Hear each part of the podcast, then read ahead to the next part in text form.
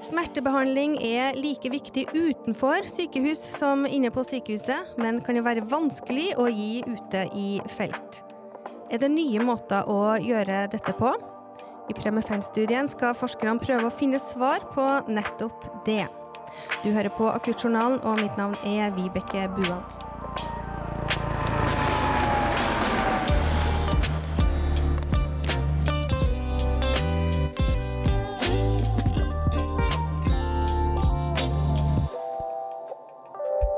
Siste halvannet året så har mer enn 270 pasienter blitt inkludert i Premefen-studien. Her forsker man helt kort fortalt på smertebehandling i ambulanse.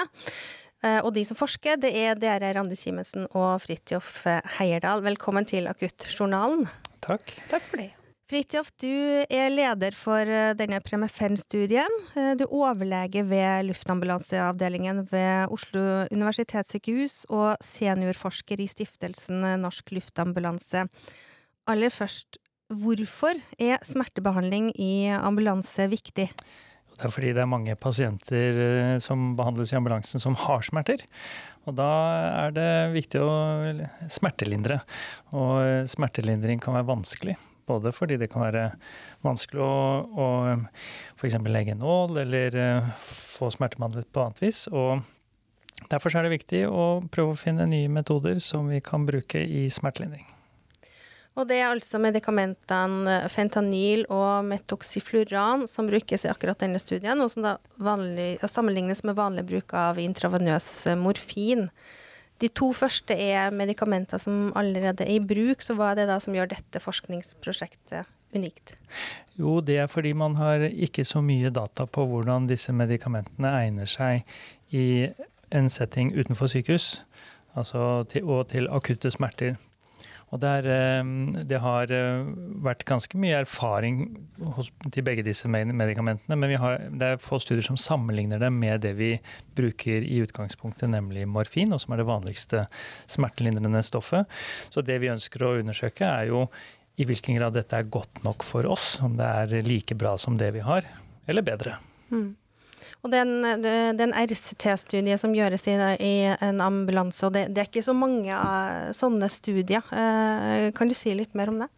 Det er fordi det er jo ganske omfattende og vanskelig å gjøre eh, solide, randomiserte, kontrollerte studier, som dette da, i, i ambulansetjeneste utenfor sykehus. Sånn at det gjør denne studien ganske unik. Det er et stort stykke arbeid som skal til, og veldig mye koordinering for å få dette til å bli bra. Eh, og, og, i og med at dette er en, som du sa, RCT, en fullskala legemiddelutprøving, så er det noe som krever mye ressurser og mye entusiasme fra mm. alle. Uh, man har tre ulike medikamenter og tre forskjellige måter å administrere det på, og så skal det da sammenligne i etterkant, og hvor lett er det? Ja, eh, den studien må jo da designes skikkelig og gjennomføres etter design. Så når vi først nå har dataene, så vil selve statistikken og oppsummeringen av det være tålelig greit. Ehm, men det er, selve, det er selve det å rigge studien og planlegge den godt som er den store utfordringen, og selvfølgelig også gjennomføre den i henhold til planen. Og da, der kommer jo du inn, eh, Randi Simensen. Du har eh, lang fartstid fra ambulansen sjøl som paramedic. Eh, og nå er du stipendiat i Stiftelsen Norsk Luftambulanse og Sykehuset Innlandet på det her prosjektet. Um, du, du, kan gjerne fortelle litt mer om alt det arbeidet som ligger bak det å gjennomføre en sånn studie?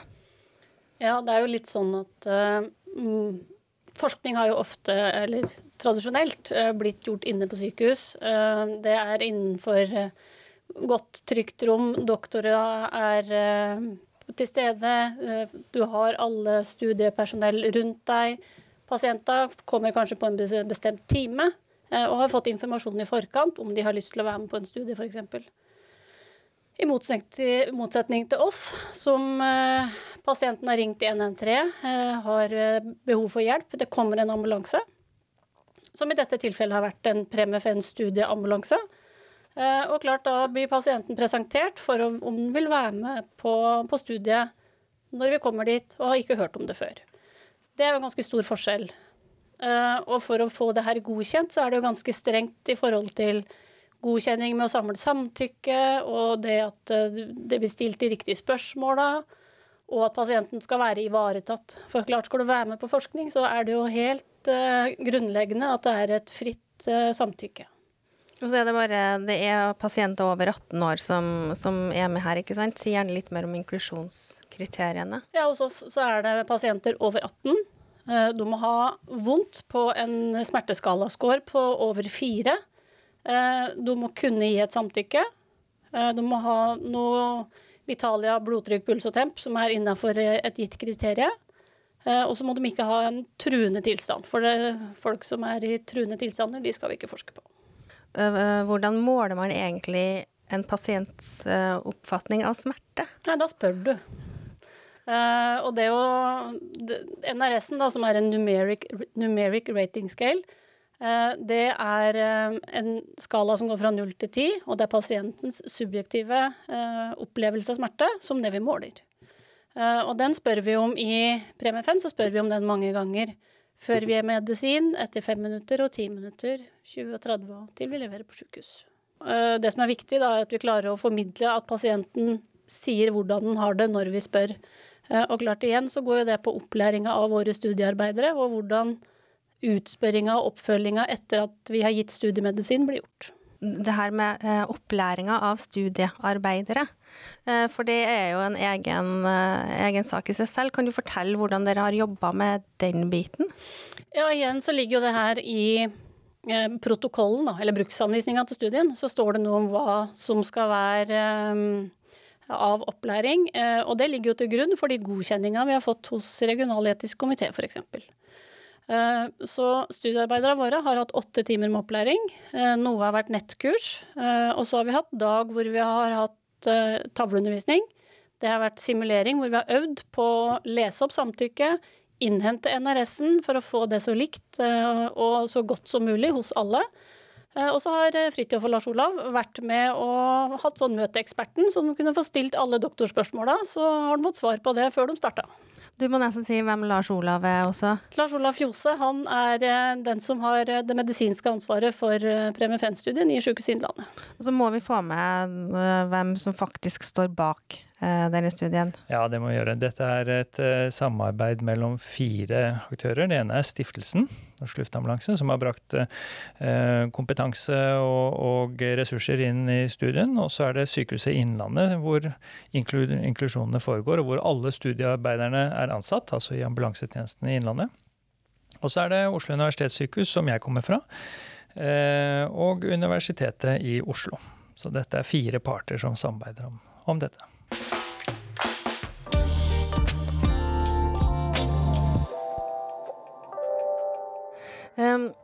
Hva vil dere som forskere si har vært utfordringa her? Ja, det er stor forskjell på å gjøre smerteforskning, eh, som Randi sier, eh, ute på akuttmedisinske pasienter. Eh, I forhold til det, det er å gjøre smerteforskning på en lab. Både med hvordan man karakteriserer smerte eller innhenter Eh, eller smerteintensiteten. Eh, som man på en lab kan gjøre ved å fremkalle en standardisert smerte. Eh, og, og, og gjøre mer objektiv. Men ute på gata og ute i grøfta så er vi nødt til å gjøre det med, med å spørre pasienten og, og innhente den subjektive smerten.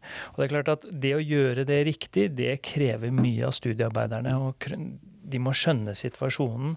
Ehm, vi, eh, vi har også mange studiearbeidere, vi har over 100 studiearbeidere. Sånn at eh, det at disse 100 skal gjøre det likt, mer eller mindre, det er en stor utfordring og krever opplæring.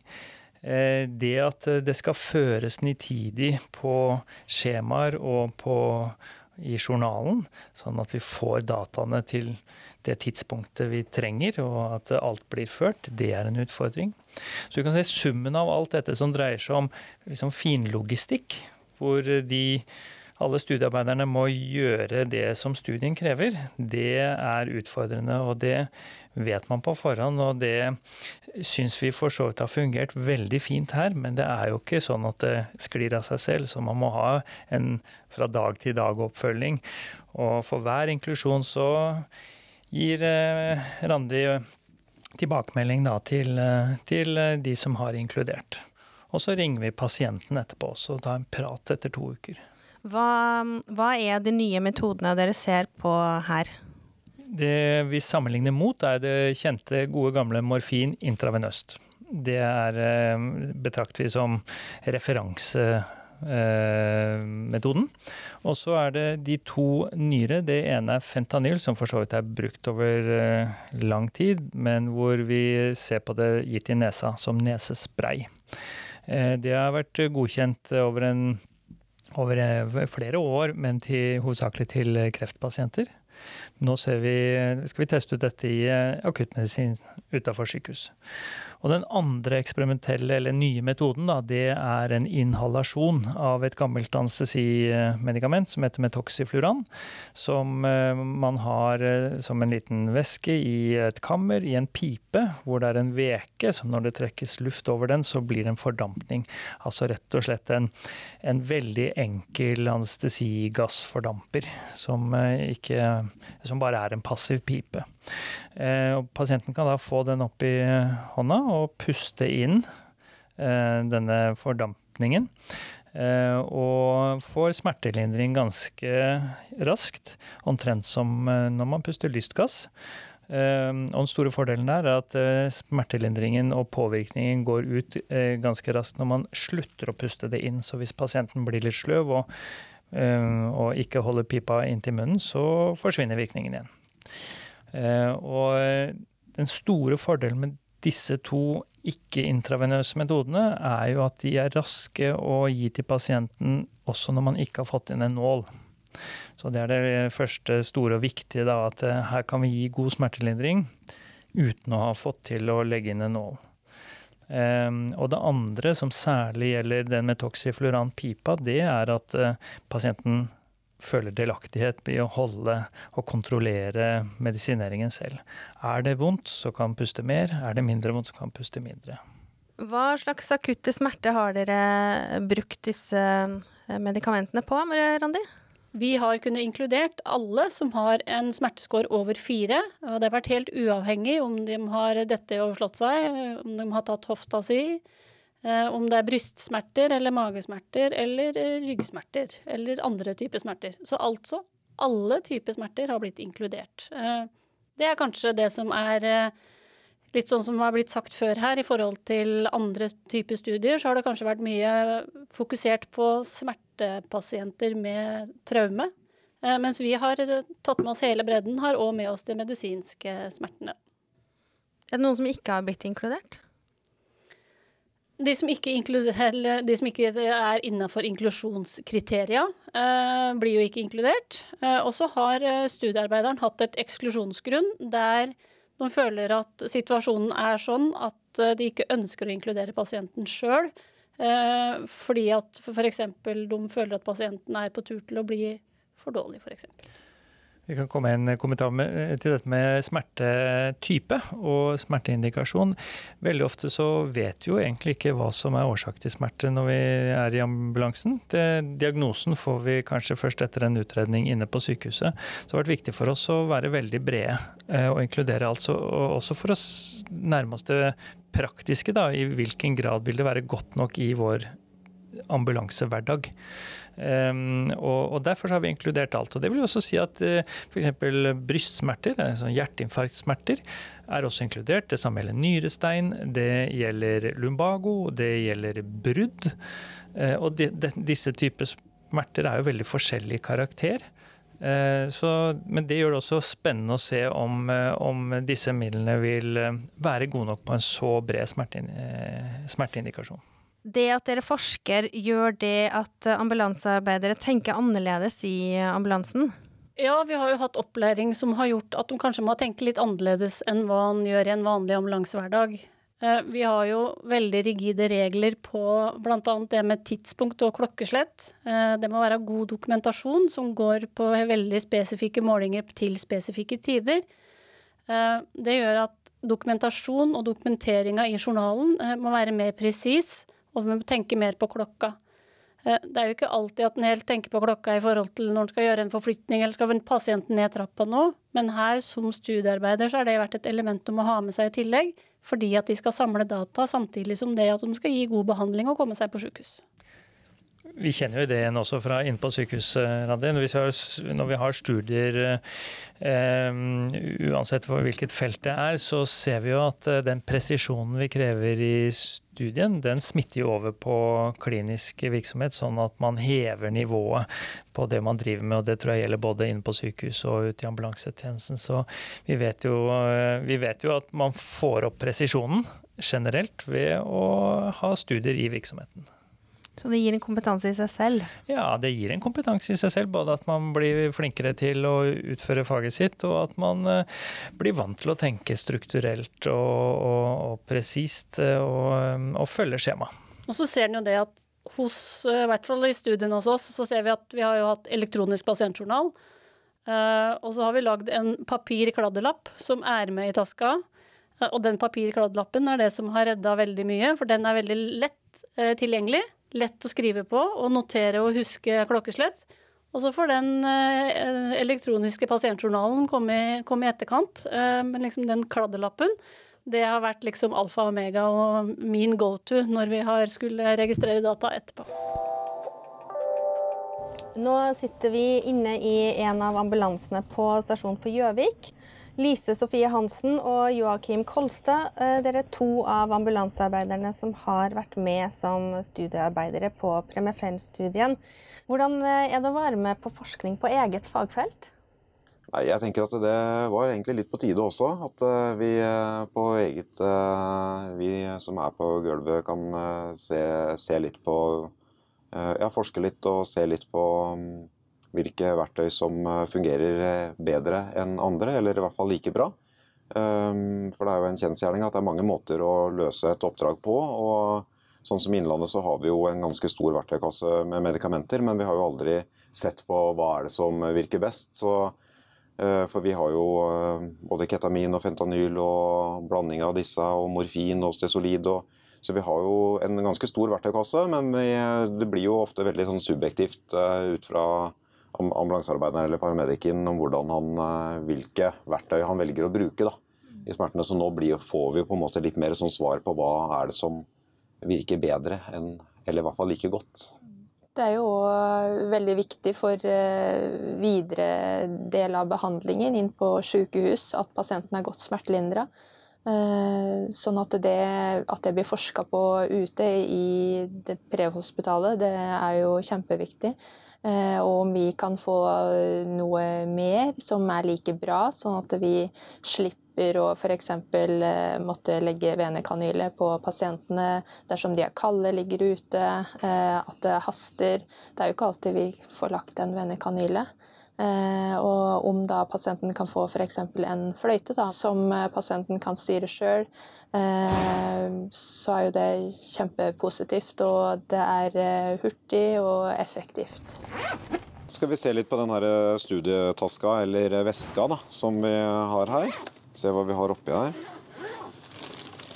Der har vi jo Først i lokket så er det jo to ampuller med, med toxylfloran, Pentrox. Eh, I tillegg så har vi jo da alle skjemaene som vi fyller ut, og eh, to nesesprayer med fentanyl, 50 mikrogram og 100 mikrogram. Og så har vi morfin. Der har vi fem ampuller med morfin oppi en sånn en egen liten eh, beholder.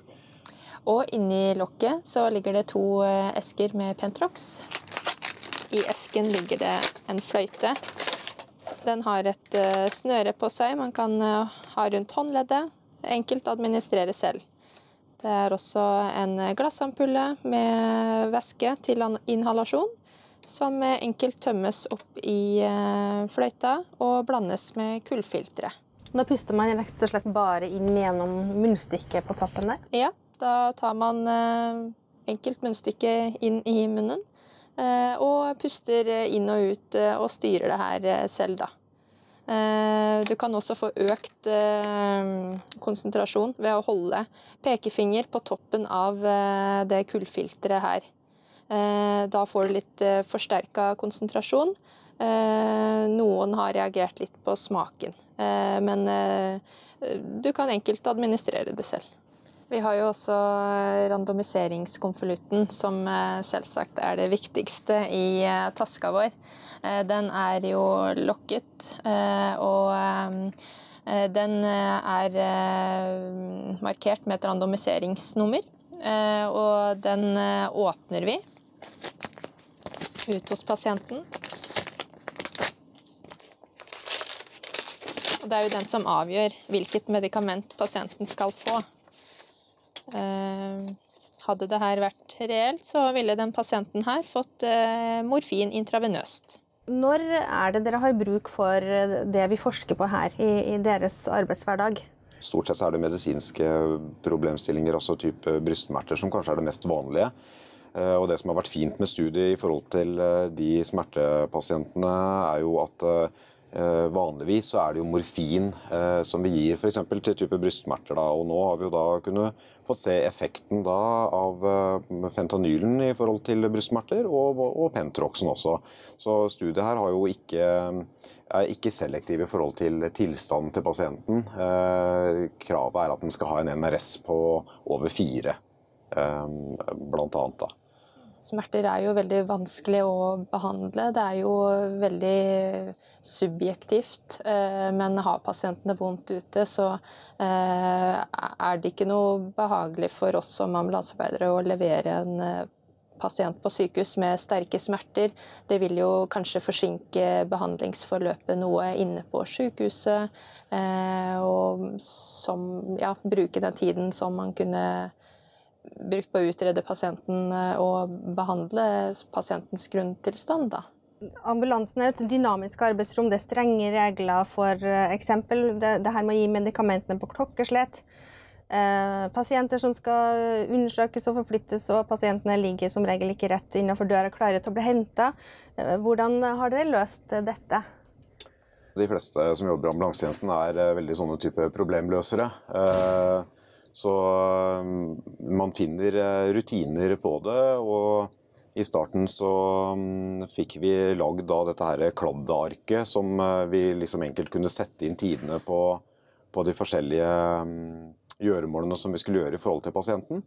Så man lagde seg liksom gode rutiner på det og fulgte med med på tiden. og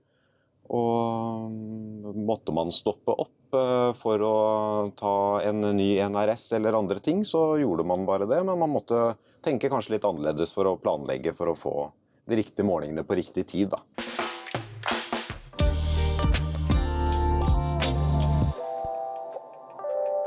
Vi snakker om Premefen-studien og smertebehandling i ambulanse i Akuttjournalen i dag. Um, nå har jeg jo hørt mange snakke om Australia og Bondi Beach. Uh, dette er medikamenter som er tatt i bruk i mange andre land, men altså ikke i Norge. Hvorfor er vi så seine her? Ja, vi er uh, litt seine fordi vi vet om det funker. Og det er helt riktig at uh, metoxyloran har vært brukt i Australia og New Zealand i mange år. Uh, og også av både livreddere og ambulanse og altså utenfor sykehus. Men det er underlig og nesten sjokkerende hvor lite kliniske studier har vært for å undersøke effekten, altså om det er bra nok. Så da dette også ble godkjent i Europa, så stilte vi oss spørsmålet men er det godt nok for oss? Og det kunne vi ikke svare på med, med, bakgrunn av de studiene som er gjort allerede, som jo først og fremst er mer sånn erfaringsstudier. Eh, observasjonsstudier som altså ikke undersøker effekten godt nok. Eh, så for å komme dette Altså for å nærme oss eh, spørsmålet ordentlig, så fant vi at da må vi nesten gjøre en studie og tette igjen det kunnskapshullet. Så vi er, eh, har vært tregere i Norge eller i Europa med å implementere denne metodikken, men det er rett og slett fordi det ikke har vært gode nok data. Smertebehandlingen som gis uh, ute i felt, Hvordan påvirker det eh, pasientforløpet videre inne på sykehuset, Fridtjof? Altså det er to ting. For det første så er det mye lettere for eh, både sykehuset og pasienten hvis smertelindringen har eh, startet før pasienten kommer til sykehus, og at de er tilfredsstillende smertelindret. Det er viktig for alle, og er helt åpenbart. Noe erfaringer fra denne studien viser at de som har, eller noen av de som har fått metoxifluran pipa, de vil gjerne fortsette også etter at de kommer inn akuttmottaket. Um, og dette er jo ikke en behandlingsform som er vanlig inne på sykehus, uh, så da har man notert seg det, at det har vært mange som har vært, blitt glad i den, uh, i den pipa også etter at, etter at de kom inn på sykehus. I hvilke settinger ser dere for dere at disse medikamentene som dere prøver ut her, kan fungere? I ambulanseverdenen så er det sånn at det er litt vanskelig å si hvem, setting som det kan passe for, for plutselig så er det eh, et type oppdrag som sier at du kanskje ikke kommer inn med den nåla, pasienten ligger ute, har ligget lenge på gulvet, eh, og klart det å skulle smertelindre, det tar litt tid før det virker. Eh, Metoxifluranen virker veldig fort, eh, trenger ikke så mye bearbeiding i forkant. Og da å kunne begynne å gi en behandling til den pasienten som har ligget og hatt vondt lenge, med en behandling som eh, begynner å virke veldig raskt, er jo veldig fordelaktig for den pasienten. Eh, så kan det være som Fridtjof sa i stad, det med at vi ikke kommer inn med nål f.eks. Eh, da er det jo fint å kunne ha et medikament å bruke.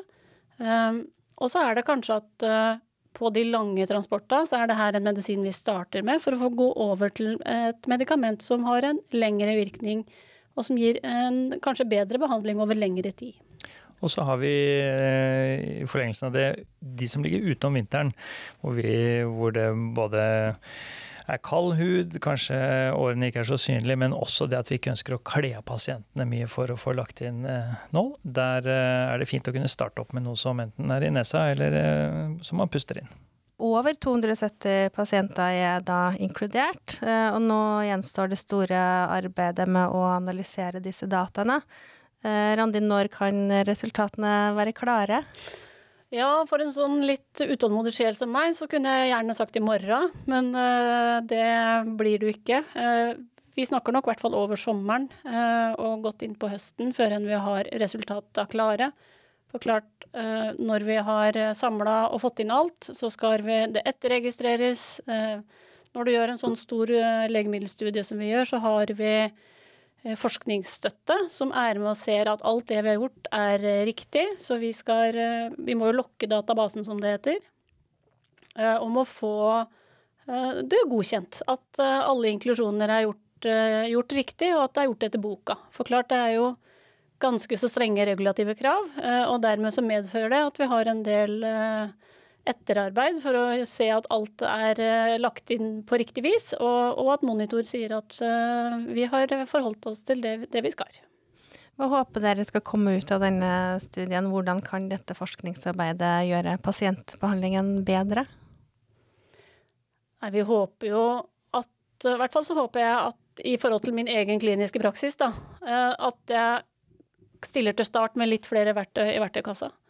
Eh, det å kunne bruke legemidler og smertelindring som fremmer at pasienten har det enda bedre eh, når jeg kommer fram, at jeg ikke bruker så lang tid på å etablere meg med, med å få begynt med den smertelindringa. Det er i hvert fall min kliniske Eh, mitt kliniske ønske, så kan det hende at seniorforskeren har et litt annet ønske? Nei, det er egentlig det samme, men eh, det som er fint med en sånn studie, er at vi kommer til å få svar. Eh, og det svaret kan hjelpe oss i å bestemme hvilke metoder skal vi ta i bruk, og hvilke skal vi ikke. Og dersom det er noen av disse metodene ikke holder mål, altså at vi rett og slett ikke er gode nok, så er det fint å vite. Og hvis de er gode nok, så er det bra å vite også. Og så er det sånn at det er ikke, Vi kommer ikke til å skifte på all smertebehandling pga. en sånn studie, men det kan være at vi kan supplere litt, og at vi kan være bedre rustet til å vite hva vi skal putte inn i tjenesten. Og Så gjenstår det også eh, med nye metoder å se hvilken praktisk bruk er det de egentlig får. Altså når er det de forskjellige metodene er velegnet. Og det kommer vi også til å bruke litt tid på. Vi kommer sikkert til å ha noen eh, kvalitetsstudie knytta til det senere, nemlig det å finne ut eh, ja, i den praktiske hverdagen utenfor studiet, eh, hvordan skal vi i så fall bruke det, hvis de er gode nok. Og nå har dere altså snakka om det med å gi smertebehandling i ambulanse med nesespray og pipe, litt enkelt sagt. Hvis vi skal se eh, framover litt, da, hva er det neste? Hvor er vi om si fem til ti år? Om fem til ti år så tror jeg at vi har eh, flere eh, ting å spille på. Eh, når vi kommer til en pasient med akutte smerter, så vil vi i større grad kunne skreddersy behandlingen til en enkelt pasient basert på at vi vet mer hva som vil egne seg i forskjellige situasjoner. Og det kan være til barn, til unge, til uh, akutte bruddskader, til nyrestein, til hjerteinfarkt, til hva som helst. Så tror jeg vi kommer til å ha en, en mer fleksibel meny. Det er spådommen. Og så får vi se om disse to Metoxifluran og intranasal fentanyl er en del av den menyen. Det vil jo Premefen-studien vise. Hvor mye kan resultatet av denne her studien bidra til å forbedre pasientbehandlinga i, i, i, ambulansetjenesten? Ja, Den tror jeg kan bidra til å forbedre ganske mye, men, på, men, med litt forskjellige måter. Jeg tror For det første så vil vi jo finne ut uh, disse tre medikamentene opp mot hverandre. Eh, rent konkret så kan vi finne ut skal vi implementere dem eller ikke. Og det vil ha en stor innflytelse på eh, ambulansearbeidernes og pasientenes hverdag. Ehm, men det neste er at eh, dette bidrar til å bygge ut den smertebehandlingsmenyen som vi føler har vært smal til nå. Og jeg tror det å venne, venne oss til at vi skal ha flere eh, måter å gi smertelindring på, at vi skal kunne skreddersy til pasientene, det i seg selv er kjempeviktig. For smertebehandling er noe av det viktigste vi gjør prehospitalt. Også, og det siste, som jo også er veldig viktig, det er at eh, ambulansetjenesten kommer etter hvert nå til å venne seg til å skulle delta i forskning og være, med, være, en arena der vi faktisk også driver forskning som er relevant for tjenesten. Og den presisjonen vi krever, og det, den delaktigheten som, som, de, som de vil føle, det tror jeg er veldig viktig for å bygge kvalitet i ambulansetjenesten. Fridtjof Heierdal, leder for Premefen-studien, fikk i dag siste ord i Akuttjournalen, en fagpodkast fra Stiftelsen Norsk Luftambulanse. I denne episoden har vi også snakka med stipendiat Randi Simensen og studiearbeiderne Lise Sofie Hansen og Joakim Kolstad. Hvis du vil vite mer om studien, kan du gå inn på premifen.no, som er nettsiden til prosjektet. Og husk også å melde deg på nyhetsbrevet vårt, så får du mer fagrelatert informasjon om den prehospitale tjenesten, og du finner link i episodebeskrivelsen. Har du tips om relevante temaer, så send oss også gjerne noen ord på akuttjournalen alfakrøll norskluftambulanse.no. Ansvarlig redaktør for Akuttjournalen er Hans Morten Lossius.